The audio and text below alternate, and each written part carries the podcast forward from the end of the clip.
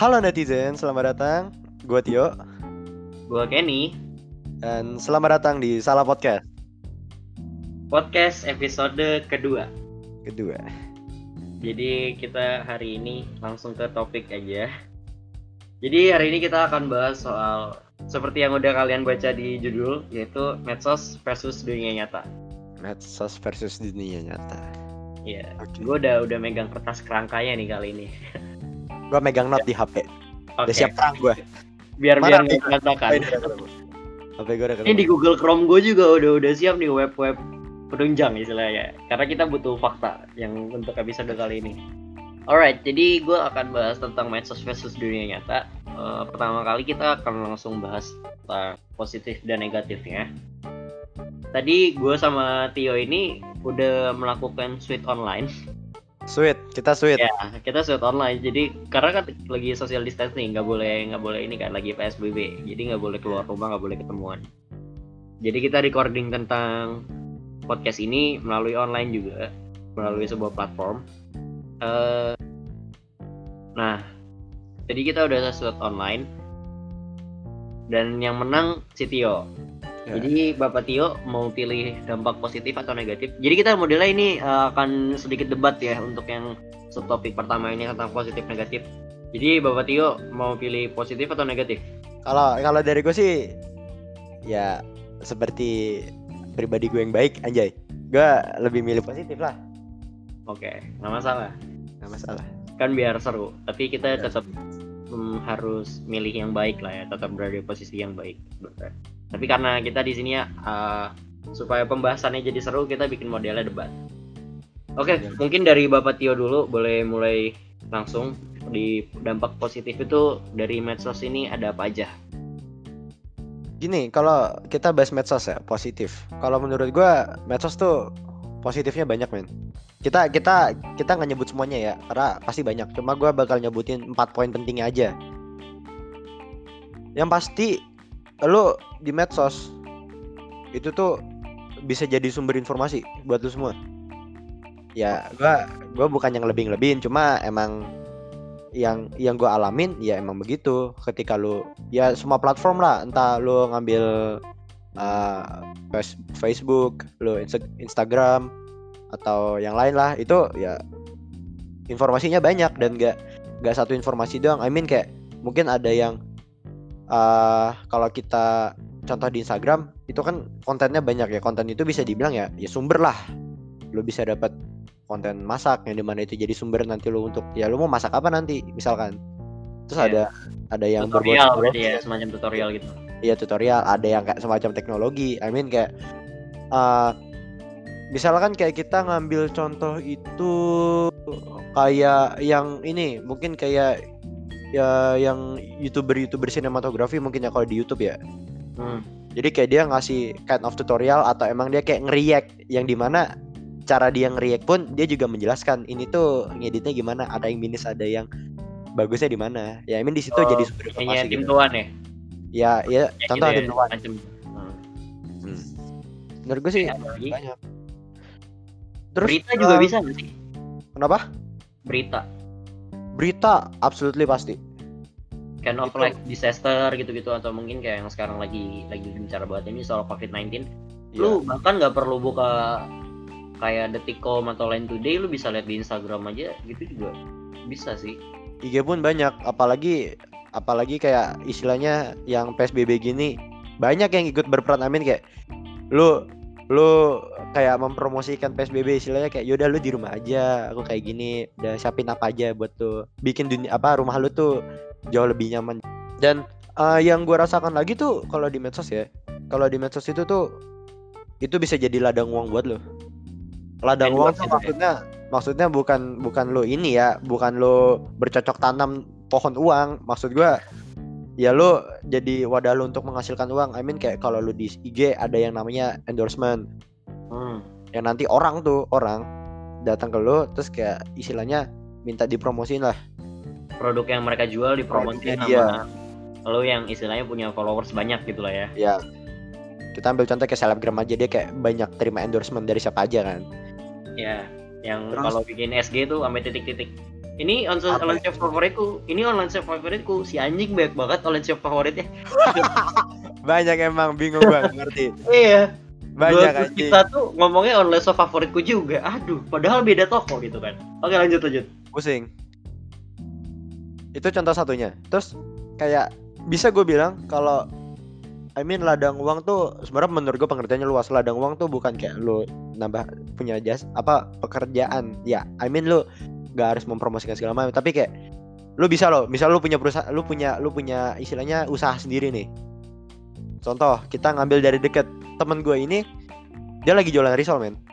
hmm? Dia lagi jualan risol yang di mana mungkin risolnya itu buat ini jadi kayak buka puasa gitu loh Hmm. jadi eh, risol yang yang udah siap yang udah setengah jadi terus dijual nanti yang beli ya tinggal goreng ulang lagi gitu Hmm, I see, I see. Nah.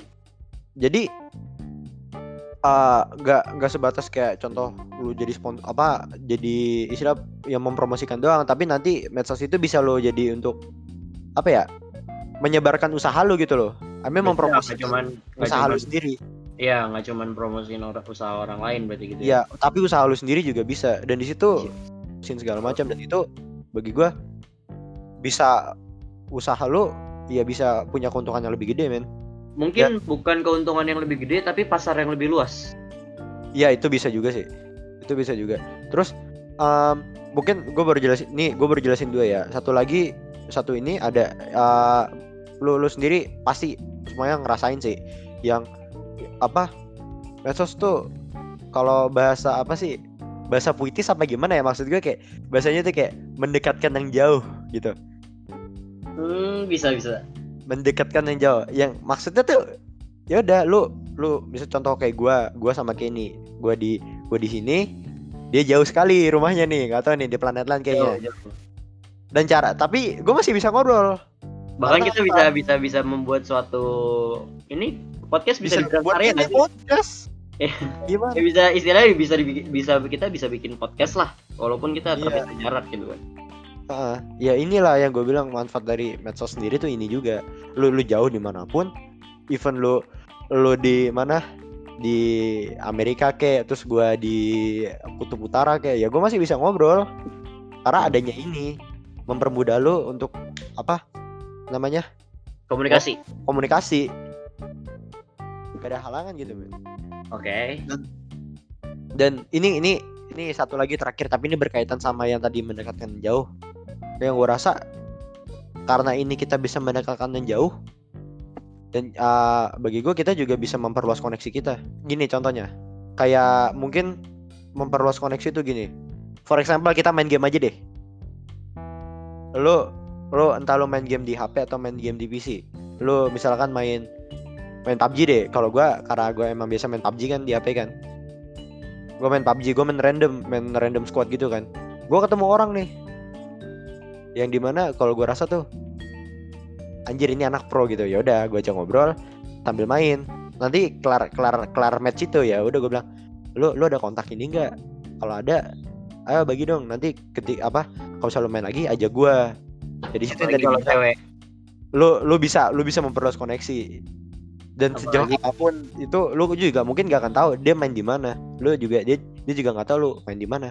Tapi lu bisa aja nanti ngobrol ya udah dan bisa itu bakal memperluas koneksi lu ke mana-mana men Iya, apalagi kalau misalnya teman mainnya cewek gitu kan.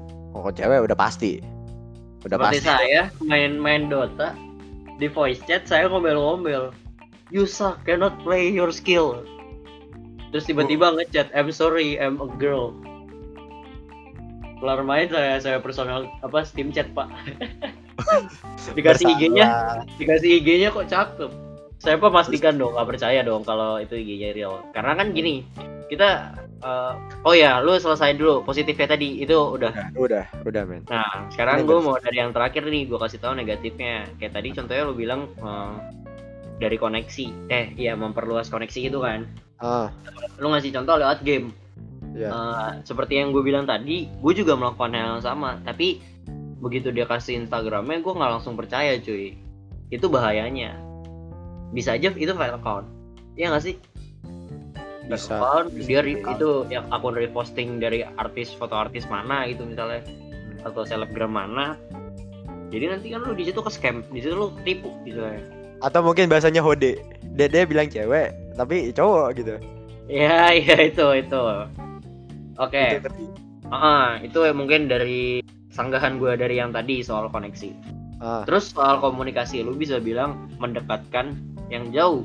ah. Tapi gue punya punya istilahnya pepatah yang lain. Medsos itu bisa mendekatkan yang jauh, menjauhkan yang dekat. Oke, siap. Pernah gak sih lu ngerasa lagi nongkrong ya sama temen-temen lu? Udah posisinya deket, bener-bener deket. Maksudnya ya, ya kan namanya nongkrong lah ya kan. Ya. Tapi semua pada megang HP. Menjauhkan yang dekat nggak? Jadi nggak bisa ngobrol kan? Tapi Contohnya tapi emang gitu. bener, emang bener. Contohnya kayak gitu. Terus eh, yang negatifnya juga yang udah pasti semua orang tahu ya jelas kecanduan lah ya. Kecanduan juga bisa berakibat ke yang tadi gue bilang soal menjauhkan yang dekat gitu. Jadi karena lu walaupun lagi ngumpul sekalipun, walaupun lagi sama temen-temen lu juga bawaannya pengen megang HP gitu gara-gara kecanduan gitu loh. Jadi banyak penyakitnya gitu loh. Tapi nanti untuk penyakit gua akan bahas di subtopik selanjutnya. Gimana menurut lu soal positif negatifnya ini? Secara secara umum sih emang apa ya gue rasa emang banyak nggak nggak akan jauh-jauh dari hal negatif juga, positif juga nggak akan jauh-jauh dari situ. I mean dia Pasti lah ya punya, semua. punya semua di hal- antara dua pihak dua hal itu pasti dia punya. Kalau gue bilang tuh begini, emang dia punya dua-duanya. Cuma itu nanti balik lagi sama lu nya atau istilahnya netizen aja, serah lu semua aja. Ya, gue juga setuju sih sama yang positif tadi yang lu katakan itu. Ya berarti kesimpulannya di sini kita cuma tinggal pilih gitu loh. Lu Tinggal mau pilih. berada di semua semua bagian yang positif atau semua bagian negatif atau mungkin lu berada di tengah-tengahnya, ya itu nggak masalah. Tapi ya pintar-pintar untuk menyikapi tentang medsos ini aja sih. Yang tadi terakhir gue bahas yaitu soal penyakit. Penyakit bisa dibilang juga sindrom atau mungkin juga gangguan jiwa Gangguan jiwa, mental disorder. Ya, jadi kita tadi udah melakukan sedikit riset, Kita udah udah udah searching, udah searching riset singkat supaya kali ini lebih lebih lebih fakta gitu ya. lebih fakta. Jadi kita mengambil dari website cekaja.com. Eh, ini dia punya judul mengetahui 16 penyakit dari media sosial de- yang gangguan kesehatan mental. Jadi di sini lebih kayak kegangguan jiwa gitu. Atau yang tadi bisa dibilang sindrom. Ya sindrom. Oke, yang pertama kita akan bahas soal FOMO syndrome atau fear of missing out syndrome. Sindrom. Ya, jadi ini karena dari namanya aja udah sindrom berarti ini gangguan jiwa. Gua akan bacain dulu eh, secara singkat aja. FOMO syndrome ini penderita akan mengalami kecanduan akut pada media sosial.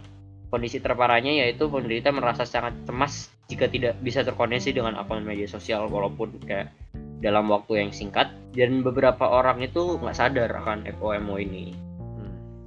jadi lumayan ngeri. Jadi mungkin lebih eh, penjelasan simpelnya lebih kayak bentuk perasaan atau dorongan berlebihan gitu loh untuk ngikutin tren di media sosial. Itu juga termasuk di FOMO jadi kayak misalnya yang gue bilang tadi yang addiction soal lu lagi nongkrong tapi malah megang HP itu itu merupakan salah satu contoh dari FOMO syndrome ini. Kalau menurut gue bahaya banget karena bisa aja orang-orang ini eh, pengennya up karena dia pengennya update terus jadi kayak dikit-dikit SG dikit-dikit SG contohnya kayak gitu. Apa pun yang hype ikut terus. ya apa pun yang hype ikut terus. Itu itu bahaya. Kalau dari lu sendiri gimana soal FOMO Tapi kalau gue rasa sih, kalau emang dari FOMO ya, nih nggak tahu karena pengaruh tadi gue, gue ngebacot masalah positif ya. hmm, Kan kan di sini dia dia poinnya adalah lu uh, di mana ada dorongan berlebihan. Lu nggak bi apa untuk mengikuti tren di medsos. I mean berarti kan uh, paling singkatnya banget, lu uh, lu nggak bisa apa lu takut buat gaptek, ya kan? Eh Iya. apa sih kudet ya kudet ya? iya udah udah kurang Ya, update kudet. lah ya Lu kayak kayak cemas kalau lu kudet kayak anjir gua gua nggak tahu apa apa tapi orang lain tahu anjir terus kayak lu langsung anxiety lu ke mana-mana tuh ya gua rasa ya itu itu bakal jadi masalah apa itu akan jadi masalah. Cuma kalau menurut gue ya ini nggak sepenuhnya salah men. I mean kalau tren itu kan luas ya tren itu luas. Betul. Mungkin kalau misalnya kayak kita itu akan jadi bahaya. Mungkin kalau trennya kita contoh gue lupa tahun 2000 berapa itu 2017 18 gak tau gue. Pokoknya lu kalau lu tau yang namanya pass out sin apa pass out challenge. Ya, itu yang kayak gimana tuh? Mungkin Pas out challenge apa, lagi. pokoknya yang yang yang lu lu lu senderan di dinding nanti temen lu tuh neken dada lu sampai kencang banget sampai lu nggak bisa napas. Nanti ketika nanti lu udah rada pass out nih maksudnya rada rada pingsan rada nggak sadar ntar dilepas. Nanti pas dia udah tergeletak di lantai dia kayak kejang-kejang gitu. Di situ itu sempat jadi itu sempat jadi tren men. I mean kayak mungkin karena bagian dari kejang-kejangnya mereka kayak wah anjir kayak seru nih. Tapi padahal pas waktu itu gue sempat research emang uh, secara ilmiah emang itu nggak baik karena secara karena lu melakukan hal kayak gitu oksigen otomatis oksigen di dalam tubuh lu tuh nggak nyampe ke otak di situ bisa ngerusak Hmm, nah benar. itu sih. bakal jadi itu bakal jadi masalah kalau FOMO-nya emang di situ tapi kalau FOMO-nya kita bahas dengan tren yang positif contoh mungkin kayak covid kayak gini gua nggak bisa bilang tren cuma kalau kita uh, ngambil dia takut kudet uh, ya apa ya kalau ada cemas untuk apa menjadi kudet ya otomatis kan dia nggak mau ketinggalan harus always up, apa up to date. Cuma kalau misalnya Hmm. emang uh, akan jadi hal yang positif kita ngambil. Contoh kayak covid kayak gini. Lo bayangin kalau misalnya dia dia dia FOMO tapi FOMO nya dia kayak ah anjir gua aduh gua gua nggak tahu nih masa orang-orang tahu apa covid gini gini gini gini tapi gua nggak belum nggak tahu. Itu mungkin jadi hal yang positif. Ya dan mungkin kalau gue bilang eh, dari FOMO ini pendapat gue itu nanti bisa berdampak juga ke yang namanya compulsive shopping. Atau di mana eh, yang kita bisa bilang saat ini itu tentang kayak barang-barang hype apa segala macam itu. Ya itu masuknya compulsive shopping gitu loh.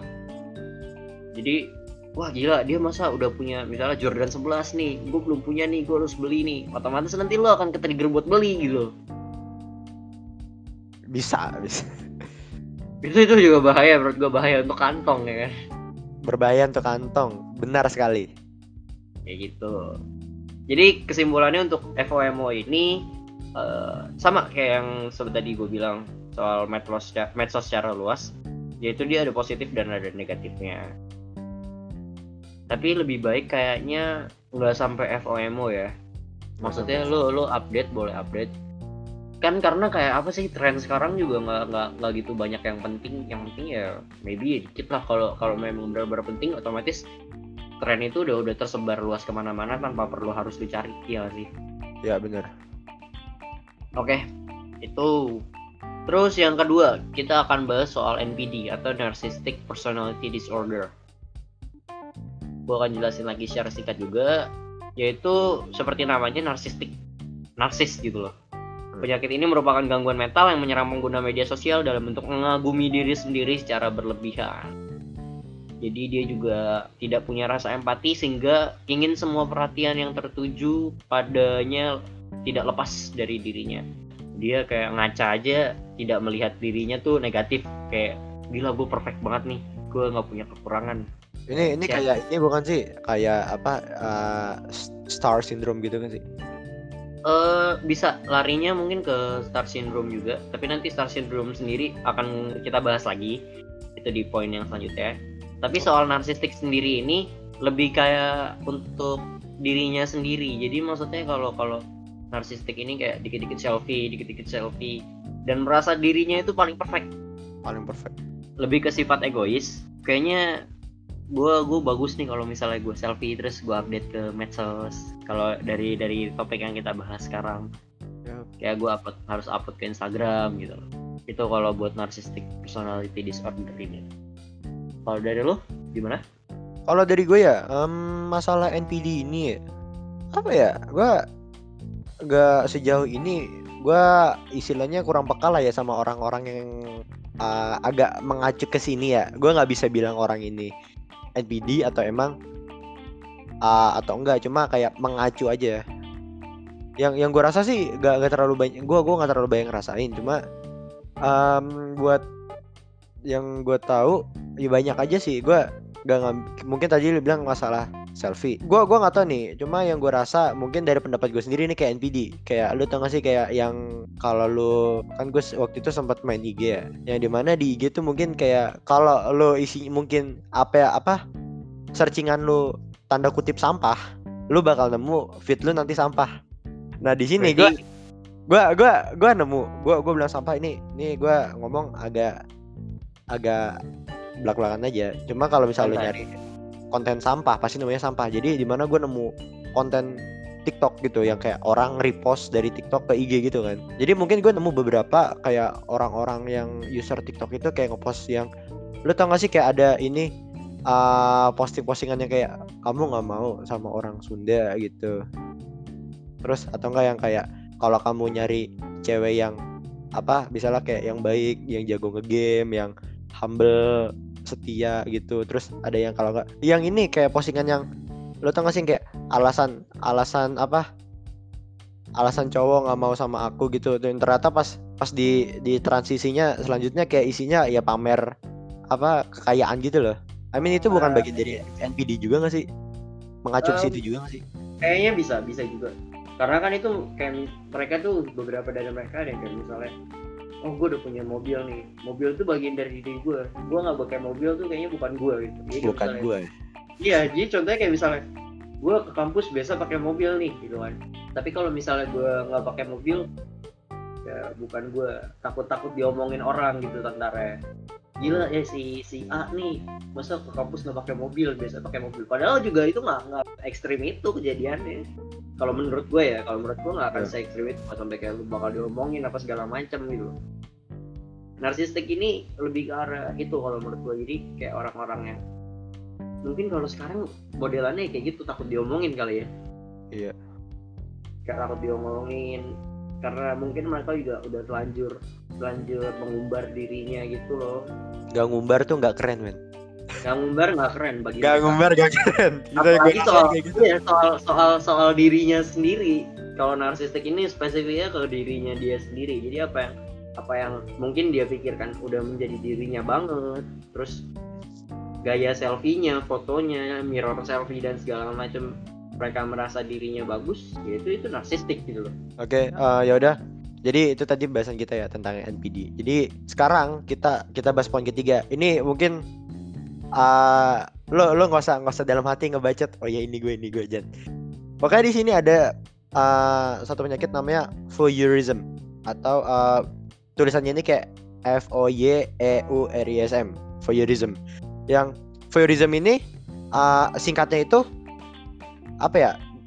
Singkatnya itu ini stalker. Bahasa awamnya itu stalking. Oh stalking eh, stalking. Jadi ini eh, ini tuh kind of eh, mental disorder yang di mana kayak lu punya kebiasaan punya habit eh, untuk ini ngintip-ngintip orang lain akun orang lain secara berlebihan. I mean kayak ya lu jadi stalker gitu yang dikit-dikit lihat profil orang dikit-dikit lihat profil orang sampai lu lu lu scroll sampai bawah sampai mampus no. Sampai postingan pertama. Sampai posting yang pertama. Oh, kapan? Berapa tahun yang lalu tuh? Itu itu salah satu penyakit dari medsos ya ini voyeurism ini. Dan di sini gue rasa tuh apa ya? Eh kayaknya hampir hampir dari kita even gue pun juga punya apa punya kebiasaan mengarah ke sini juga loh. Tapi bukan yang gue bukan sesuatu yang mengarah banget loh. Amin bukan yang stalking hebat eh, stalking yang stalk, ya, stalker yang banget banget gitu loh. Maksud gue kayak mungkin kita ngambil contoh ini deh. Misalkan lu nemu postingan kayak lu pertama kali lu tahu Zeking kan? Tahu tahu. Kan Zeking kayak bikin video gitu kan? Video yang yang gue rasa uh, satisfying. Y- yang cara Yeah. ngeditnya juga keren kan ya mungkin lo orang pertama kali tahu dia ya lu langsung nge-stalk gitu men. Langsung kayak "Wah, anjing ini orang gimana nih? Keren gak ya? Eh keren ternyata total. Kalau itu jatuhnya lebih ke kita nyari konten kita nyari hiburan. Itu itu nggak salah kalau menurut gue. Nggak salah. Dan walaupun Iya. emang agak mengarah ke voyeurism tapi bukan yang voyeurism banget Amin kayak cuma sebatas nge-stalk doang iya itu itu. Hampir karena itu kita jatuhnya nyari hiburan nyari konten. Tapi Ah, kalau menurut gue sendiri untuk voyeurism ini itu lebih ke kayak orang yang contoh nih ya contoh. Lu tahu nih ada satu orang misalnya namanya Mawar. lu cari tahu nih IG-nya si Mawar ini. Udah dapet IG-nya si Mawar ini misalnya di private ya lu pasti akan follow. Setelah follow lu nunggu di offset gitu kan. Setelah Iya. nunggu di offset nanti lu pasti bakal scroll tuh semua foto-fotonya dia SG-nya mungkin dia punya highlight story-nya juga. Misalnya udah banyak gitu sampai titik-titik sampai berchapter-chapter. Itu nanti lu akan akan ngeliatin semua satu-satu. Voyeurism itu yang kayak gitu kalau menurut gue. Jadi karena karena ada ketertarikan dengan satu orang satu individu satu personal dia dia mencari tahu sampai sebegitunya di medsos gitu loh. even yang kita kayak udah sekarang udah jarang pakai kayak Facebook dia nanti bisa sampai nyari ke Facebooknya kan nyari nih namanya si Mawar nih. Misalnya namanya Mawar siapa gitu Mawar Melati gitu kan. Facebook kan bisa banyak gitu kan. Iya. Di- dicari gitu. Nah, dia cari tahu sampai kayak maybe masa lalunya apa segala macam. Itu tuh voyeurism kalau menurut gue jadi bukan yang kayak yang lu bilang tadi soal cari si Zeking itu itu nggak salah maybe mengarah ke situ tapi Mengarah. bukan bukan bukan yang dari penyakit ini sendiri bukan dari sindrom atau gangguan jiwa yang kita bahas ini Ya, apa yang tadi ini orang bilang bener sih. Oke, jadi kita lanjut ya dari voyeurism. Jadi ini ada uh, namanya Internet Asperger Syndrome. Uh, ini gue singkat aja jadi IAS ya. IAS ini adalah sindrom di mana penderita yang mengalami sindrom ini tuh memiliki kepribadian yang berbeda di dunia nyata maupun di, duni- di dunia maya. Jadi orang jadi maksudnya tuh uh, orang yang mengalami sindrom ini itu tuh dia punya dua kepribadian di dunia nyata sama dunia maya. Kayak misal di dunia maya dia orangnya humble orangnya ceria segala macam. Tapi nanti pas ketemu di dunia nyata diem aja. Apa orangnya diem kagak banyak ngomong malah kelihatan malah dingin gitu. I see, I see. bisa kayak it- itu ah, dari apa internet Asperger syndrome ini. Dan ah, menurut gue tuh sin- ini ini sindrom ya. Ah, jujur gue gue nggak bisa menyebut diri gue sebagai orang yang kayak gini. Cuma gue waktu itu pas ini gue cerita sedikit ya. Ah, jadi dulu itu pas gue kelas 4 ya SD ya sekitar lah kelas 4 5 6 itu masih zaman zamannya gue masih bocah tuh. Jadi gue tuh kalau bisa dibilang orang orang-orang yang bilang sama apa yang gua kenal diri gua eh, pada masa itu tuh adalah gua orang yang nggak bisa ber- bersosialisasi sama orang kalau gue bilang.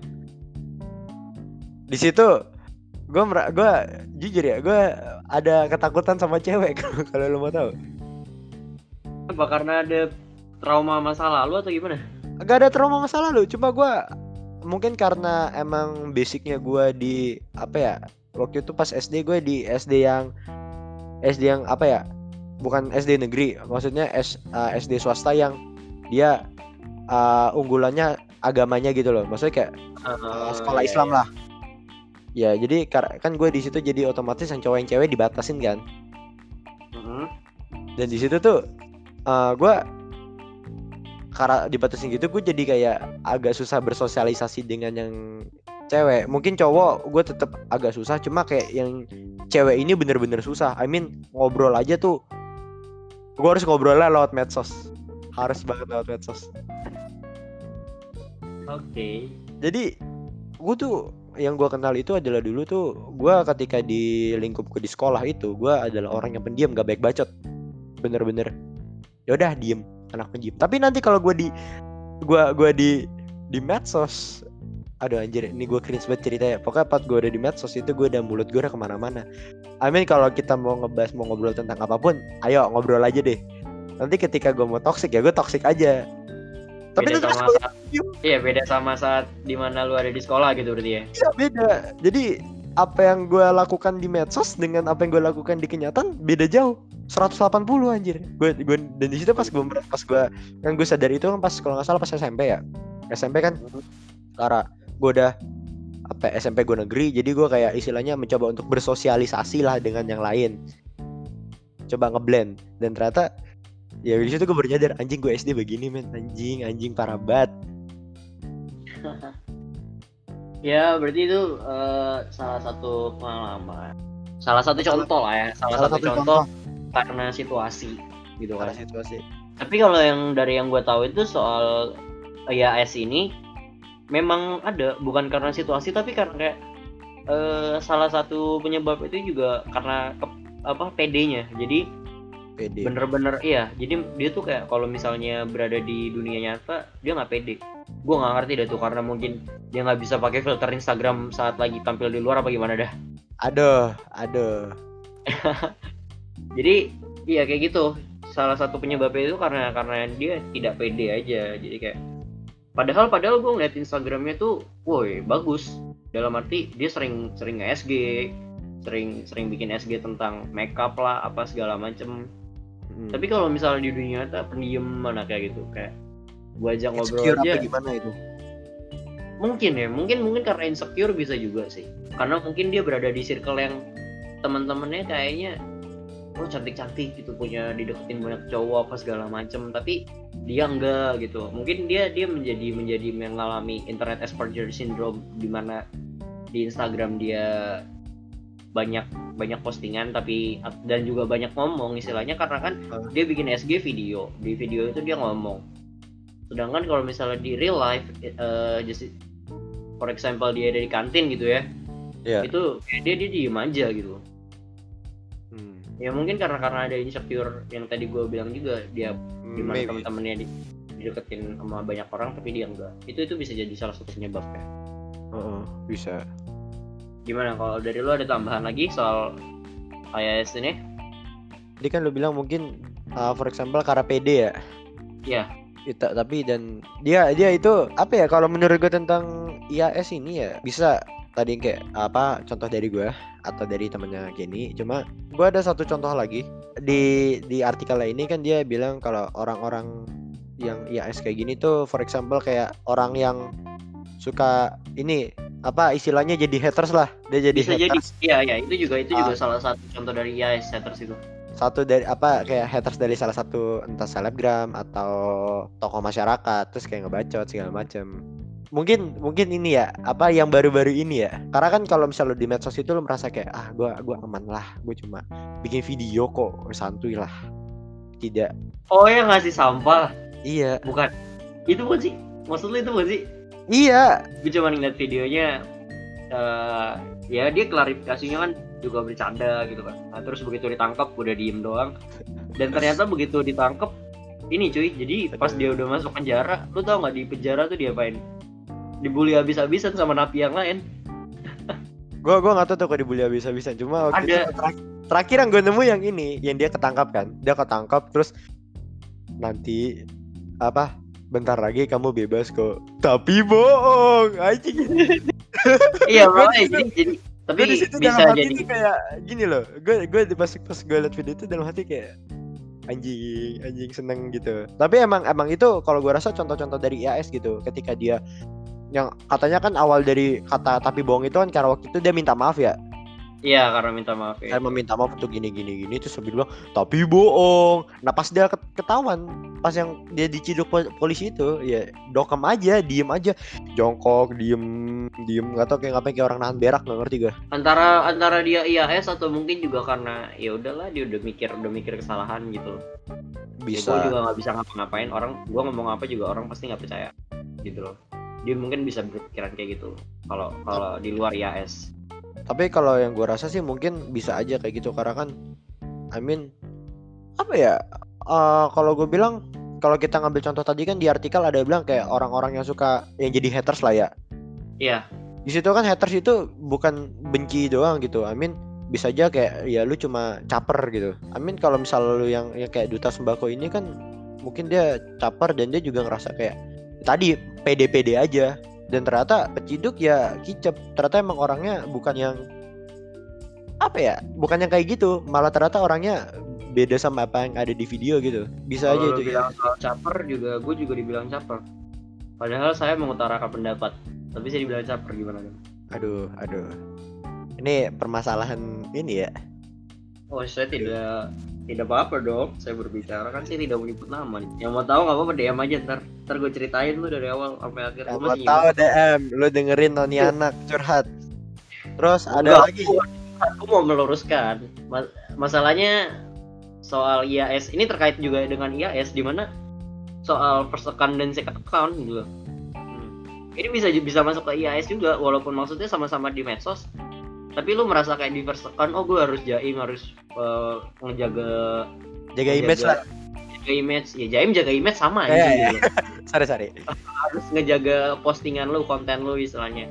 Sedangkan lu second account uh, ngomongnya asal-asalan apa segala macam lu nyinggung orang bahkan lu apa ya nyanggah pendapat orang lewat second account padahal orangnya itu yang bikin pendapat itu nggak follow second account lu gitu loh istilahnya kan. Gak ada ada memang itu gak ada. masuk IAS kalau menurut gue. Gak ada ada memang tapi emang kenyataannya begitu sih. Iya.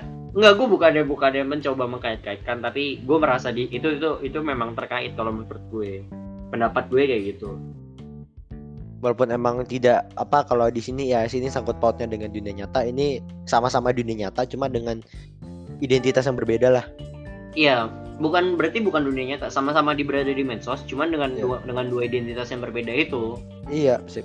A- ada ada lagi nggak? Apa lagi nih Ya, jadi yang terakhir itu ada yang namanya ini di luar dari web yang tadi kita bilang, di luar dari web cek aja.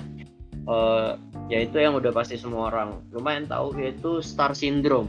star syndrome semua orang Star pasti syndrome ini iya, dan menurut gue ini yang paling parah. Kenapa star syndrome paling parah? Pokoknya di sini gue nemu dari web uh, Indozone. Pokoknya uh, star syndrome ini tuh adalah kondisi atau gejala ketidaknormalan yang terjadi akibat seseorang merasa terkenal, populer, hebat, memiliki kekuasaan dan sebagainya hingga akhirnya lupa diri. Jadi uh, singkatnya itu apa ya? Uh, sindrom yang di mana lu tuh udah apa ya? Karena lu merasa sudah lu sudah diakui diri lu di masyarakat, jadi kayak lu jadi agak apa ya kayak bahasanya kacang lupa kulit kali ya Tengil kalau gue bilang gampangannya tuh. tengil. Hmm, Tengil. bisa. Itu itu udah udah kata paling menjelaskan kalau menurut gue. udah menjelaskan? Udah menjelaskan. Kenapa kenapa gue bisa bilang tengil? Karena star syndrome ini sendiri memang basicnya itu karena dia mendapat attention dapat perhatian dari banyak orang. Pengakuan lah dari masyarakat lah. Ya dari perlakuan dari orang-orang kayak wih gila followers Instagram gue banyak ya gini gini gini. Terus like nya mungkin gede apa segala macam. Itu jadi star syndrome gitu loh jadi eh star syndrome ini juga nantinya bisa ngarah kayak yang namanya sombong sombong Bisa. dalam artian lu sombong di pergaulan iya sombong di di dunia nyata gitu loh jadi kayak Apa? misalnya misalnya followers gue 3 juta nih followers saya si Tio ini cuman 300 jangan kedikitan 500 lah misalnya misalnya misalnya gue ngomong kan Misalnya. misal nah terus nanti si Tio ini tiba-tiba ngechat gue Kian main yuk gitu kan. Terus ntar gue bilang nggak bisa followers gue udah banyak nih ntar kalau gue ketahuan main sama lu ntar fans-fans gue nganggepnya gimana lagi gini gini gini. Itu star syndrome. Oh berarti yang tadi lu bilang sombong berarti ini sombongnya kayak lebih mengarah kayak sombong yang merendahkan gitu gak sih? Merendahkan orang lain juga sombong yang karena kan merendahkan. Ah, karena kan gue di sini bilangnya keterkaitan dengan dunia nyatanya. Ah, itu bisa dibilang merendahkan orang juga mendiskriminasi orang juga bisa gitu loh. Ini udah apa ya star syndrome masalahnya udah udah luas banget lah kalau gue bilang. Amin kayak uh, link di circle lu sendiri aja mungkin ada yang kayak gini loh. Di setiap pergaulan kita kayaknya di akan setiap ada orang yang ini entah itu di kelas kah di mana kah. Cuman gue nggak tahu apakah seperti yang tadi gue bilang soal IAF apa yang internet Asperger syndrome syndrome. di mana dia punya dua kepribadian di internet dan di dunia nyata. Hmm. itu akan bisa beda di mana dia star syndrome contoh cuman saat di medsos doang dia nggak mau balesin DM lu gitu contohnya. Itu bisa bisa jadi juga gitu loh. Nggak balas DM sampai apa pesawatnya angkanya sampai 12 18 tapi kalau misalnya lu ajak ngobrol secara langsung dia tetap dia tetap tetap ngobrol gitu loh. Maksudnya ayo gitu loh. Iya, bahaya ya kalau gue bilang star syndrome ini paling bahaya dan merasa udah di atas tuh kayak ilmu padi aja makin berisi makin menunduk kan? Kayak merunduk. iya gitu loh. Istilahnya kayak kayak siapa ya? Mau di Ayunda di followers gitu banyak udah sekolah di Stanford gitu kan. Hmm, tapi tetap tetap biasa aja gitu tetap low key aja. Iya low key gitu loh istilahnya. Tapi ya kalau yang gue rasa orang-orang star syndrome ini tuh menurut lu tuh bisa bakal kemungkinan bakal kena depresi juga gak sih? kalau dari pendapat gua dia bakal depresi bisa depresi. Istilahnya gini loh orang yang star syndrome itu kan mikirnya dia udah di atas dia bisa dapat Udah segalanya lah, udah. Iya. Udah apa sih Begitu- gue satu lah. otomatis otaknya kan berpikir mempunyai harapan yang besar. Tapi saat Ah. harapan yang besar itu tidak tercapai stres gak Stres oh, ya pasti. Kayak gitu. Pasti. Lama-lama dia depresi. Apa tidak tidak sesuai kayak, harapan kayak kayak ngerasa udahlah pokoknya eh, for example kayak ngambil udahlah followers gue banyak segala macam udahlah apa lagi sih yang mau apa yang mau di inilah apa amin kayak followers gue udah banyak udahlah pasti semuanya fine fine aja. Ternyata tapi pas hatersnya banyak. Uh capek pusing dan juga bisa juga dia mikirnya kayak misalnya tadi yang dari soal positif yang gue bilang menjadi padang duit itu oh followers gue banyak nih ntar pasti uh, endorsean banyak nih apa segala macem. Tapi Oh, ternyata nggak ada. Ya nggak ada yang endorse dia. Itu nanti dia bisa depresi ada lagi tambahan mungkin soal star syndrome? Oh, komen sih ya emang emang udah penyakit banget gak ngerti gue. Oke mungkin soal penyakit kita bahasnya sampai sini aja kali ya. Sampai sini aja Oke, kita langsung masuk ke subtopik terakhir yaitu soal sambat atau cerita-cerita. Lu pernah gak sih kayak ceritain masalah hidup lu di sosmed? Dunia nyata nih lu ceritain di sosmed. pasti gue pernah apalagi kayak apa ya sebatas bikin SG sih kayak bikin SG terus yang tulisannya banyak banget anjir udah kayak apa tulisan selembar buku tuh banyak Belakangnya hitam. cerita backgroundnya hitam atau enggak ya foto-foto random aja ya itu nanti isinya cerita curhat atau enggak yang mungkin gak curhat doang ya mungkin kayak gue rasa gue juga pernah kayak nyinyir mungkin ya kayak ngebacotin orang di belakangnya gitu kayak "Ya, bacot aja segala macam semua orang gue pernah sih kayak gitu Tapi kalau menurut ya gue, gue juga pernah. Cuman kalau gue bilang untuk masalah ini lu lebih ke arah harus tahu tempat aja gitu loh. ya Amin harus ya ya bener harus tahu tempat Lu, lu tahu tempat dalam medsos yang gue maksud ini platform lah ya. Di mana ya lu platform di medsos sekarang itu ada Instagram, ada Twitter, ada YouTube lah ya istilahnya. Lu, lu harus tahu tempat ini tuh untuk apa sih, tempat yang ini tuh buat apa sih gitu. Kalau menurut gue situ sih supaya nggak kena hujat sih gampangnya. nggak kena hujat bisa cuma apa ya kalau gua rasa tuh bukan platform doang sih tak istilahnya kan zaman sekarang itu ya medsos itu kan lu bebas berpendapat gitu loh ya kan Iya. cuma kalau gua rasa balik lagi di mana pun bagi gua kayak lu mau di IG mau di Facebook pun mau di apa namanya di Twitter pun sebenarnya nggak masalah untuk lu mengemukakan pendapat cuma balik lagi sama siapa yang lu ajak ngomong konten apa yang lu apa yang lu respon kalau gue bilang Berarti in this case kalau misalnya ada yang hujat, lu nyalahin yang nggak hujat. kalau itu kalau dari pihakku sendiri gue akan mikir dulu apakah cara cara gue merespon ini salah atau gimana. Kalau emang dia menghujat gue karena kesalahan gue berpendapat ya udah berarti gue uh, cukup istilahnya tarik aja respon gue cuma kalau apa komen gue gue tarik aja. Cuma kalau emang emang dia apa orang ini sengaja untuk me- menjatuhkan gue ya ya udah gue apa ya istilahnya diemin aja lah. Gue tuh tipe orang yang tidak sensitif terhadap agama. Cuma gue bener-bener gak setuju kalau ada orang yang menyangkutkan segala apa semuanya tentang agama. Kita Ya, ngambil contoh contoh kecil lah. kita ngambil contoh simpelnya itu kayak postingan kalau lu mungkin yang anak-anak anak-anak sesepuh ya gue bilang. Sesepuh Facebook lah kalau gue bilang. Itu kalau lu tau kan kadang beberapa postingan Facebook tuh sampah itu sampah banget. Dan di mana contoh kecil itu lu nemu satu postingan politik tapi menyangkut pautkan agama. Itu fix gue nggak suka banget Dan gue juga yang ya gue jujur juga nggak suka. Cuman kayak yang kemarin itu yang sempet gue lihat, lu udah lah nggak usah takut sama corona, lu takutnya sama Tuhan bukan sama corona. Itu Ah, itu gue gue- juga nggak setuju tuh itu lu istilahnya tuh itu itu kalau kayak gitu gue jujur juga gak setuju karena waktu itu gue sempet nemu uh, video lu lu tau majelis lucu Indonesia kan tahu dong. jadi si muslim ini kalau nggak salah bikin di akunnya muslim deh dia bilang masalah masalah corona corona ada jumatan gitu lah terus dia bilang mau jumatan? Ngomong ke coki kan. Terus kayak kayak coki bilang yaudah gini. Ya gue tau sih jokes dia jokes agama kan. Maksudnya yang istilahnya uh, dia juga istilahnya nyerang agama lain tapi agama dia juga diserang juga kan.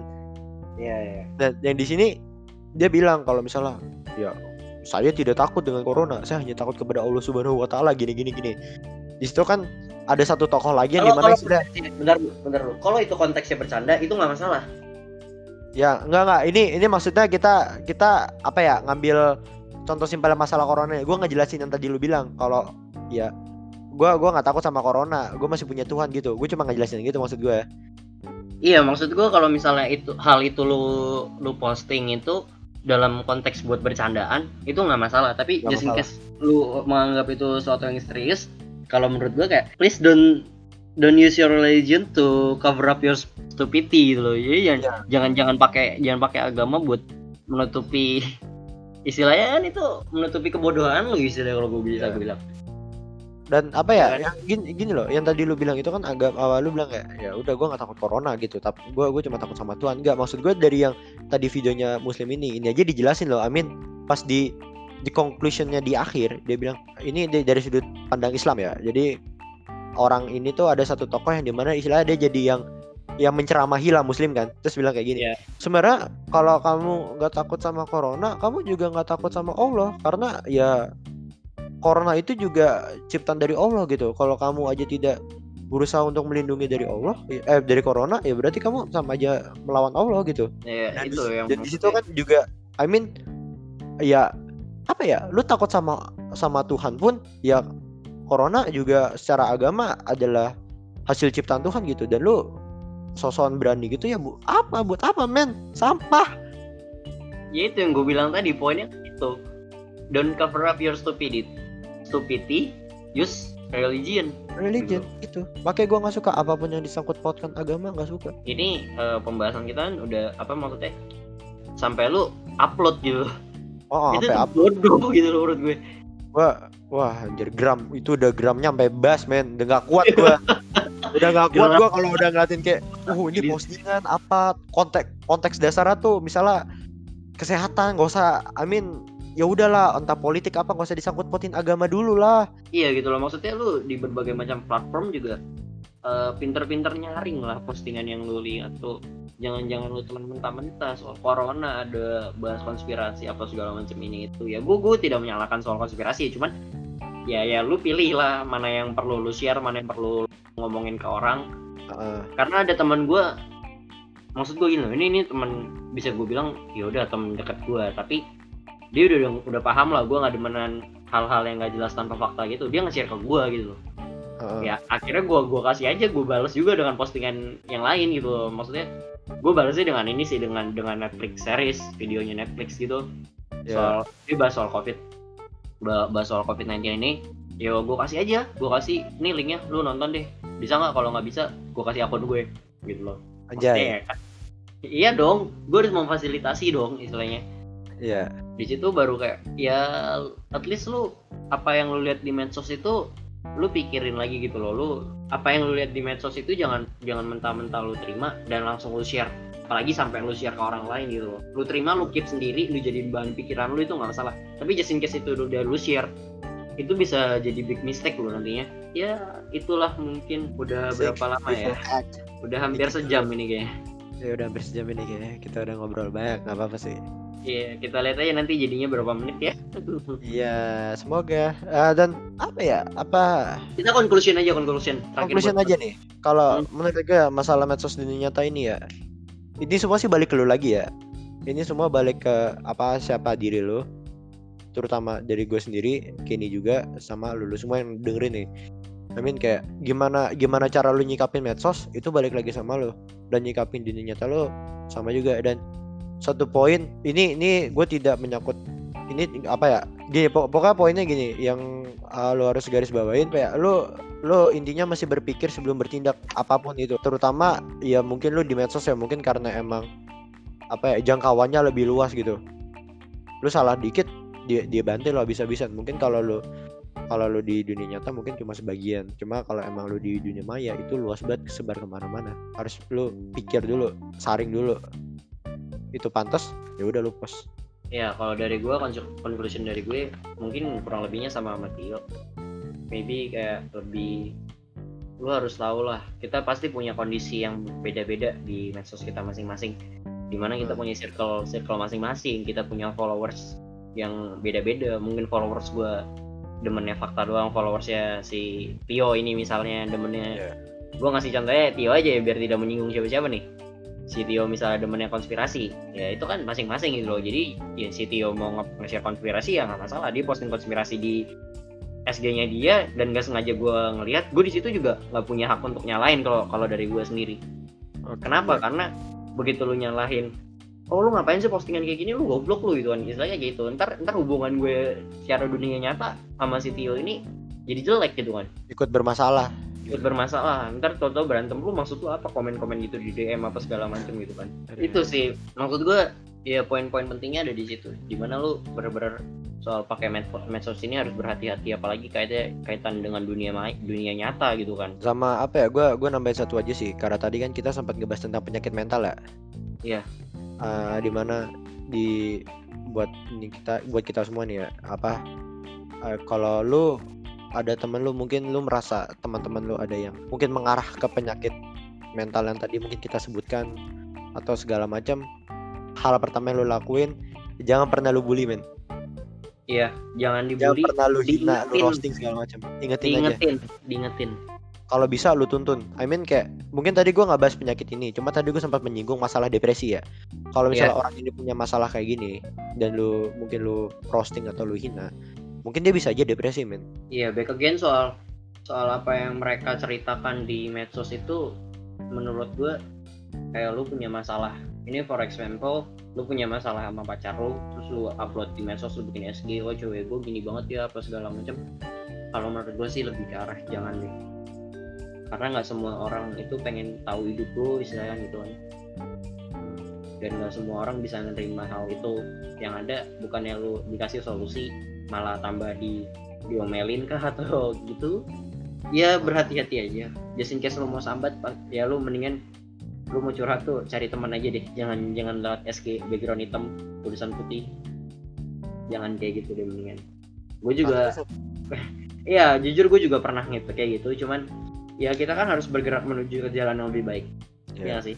Kayak Iya. gitu. pasti Ya mungkin itu aja kali ya pembahasan kita ini panjang banget ya pasti. aja panjang banget nih udah jam sahur ini harus sahur ini gue besok Ya sekarang ini udah jam sahur. Emang kita tuh demennya recording malam-malam. malam-malam nggak karena malam Menuju tuh pagi, menuju pagi. Kita tuh udah kayak kelelawar malam-malam tuh baru otaknya baru lancar bingung gue Ya, sekali eh, mungkin sebuah disclaimer lagi yang perlu gue kasih tahu bahwa semua yang kita katakan di sini adalah pendapat kita masing-masing. masing-masing. Jadi, jadi apa yang kita omongin tuh nggak apa ya bukan bener banget gitu intinya. Lu saring aja lah. Nggak selalu, nggak selalu apa yang kita ngomongin kita ah oh berarti yang bener cuma si bilang sama si Kenny sama Tio nih di podcast. Oh nggak gitu. Enggak itu men. Lu aja mana yang lu bagus mana yang menurut lu bener silahkan lu pakai dan kalau misalnya ada yang mungkin ada salah-salah kata ada hal yang menyinggung kami di sini mohon maaf. Mau kalau misalnya punya kritik saran bisa DM di IG gue Kenny Aninata. Kalau di gue kayak jangan dulu nih. Oh, ya. bapak yang satu ini lagi deactivate IG gue lagi deactivate IG soalnya lagi butuh penenangan diri terhadap media sosial ya. Ya itu eh, makanya kita bahas ini. Kita bahas ini gitu. Ya jadi mungkin sekian aja podcast kita episode kedua ini medsos versus dunia nyata. Sekian dari gue Kenny Aninata sekian dari gue Tio. Oke see you in the next episode and goodbye. Goodbye. Selamat buka selamat sahur. Selamat sahur. Selamat menjalankan ibadah puasa. Oh iya. Selamat jalan ibadah puasa jangan lupa men. Puasa. Bye bye dah dah dah dah dah kelas. Dah.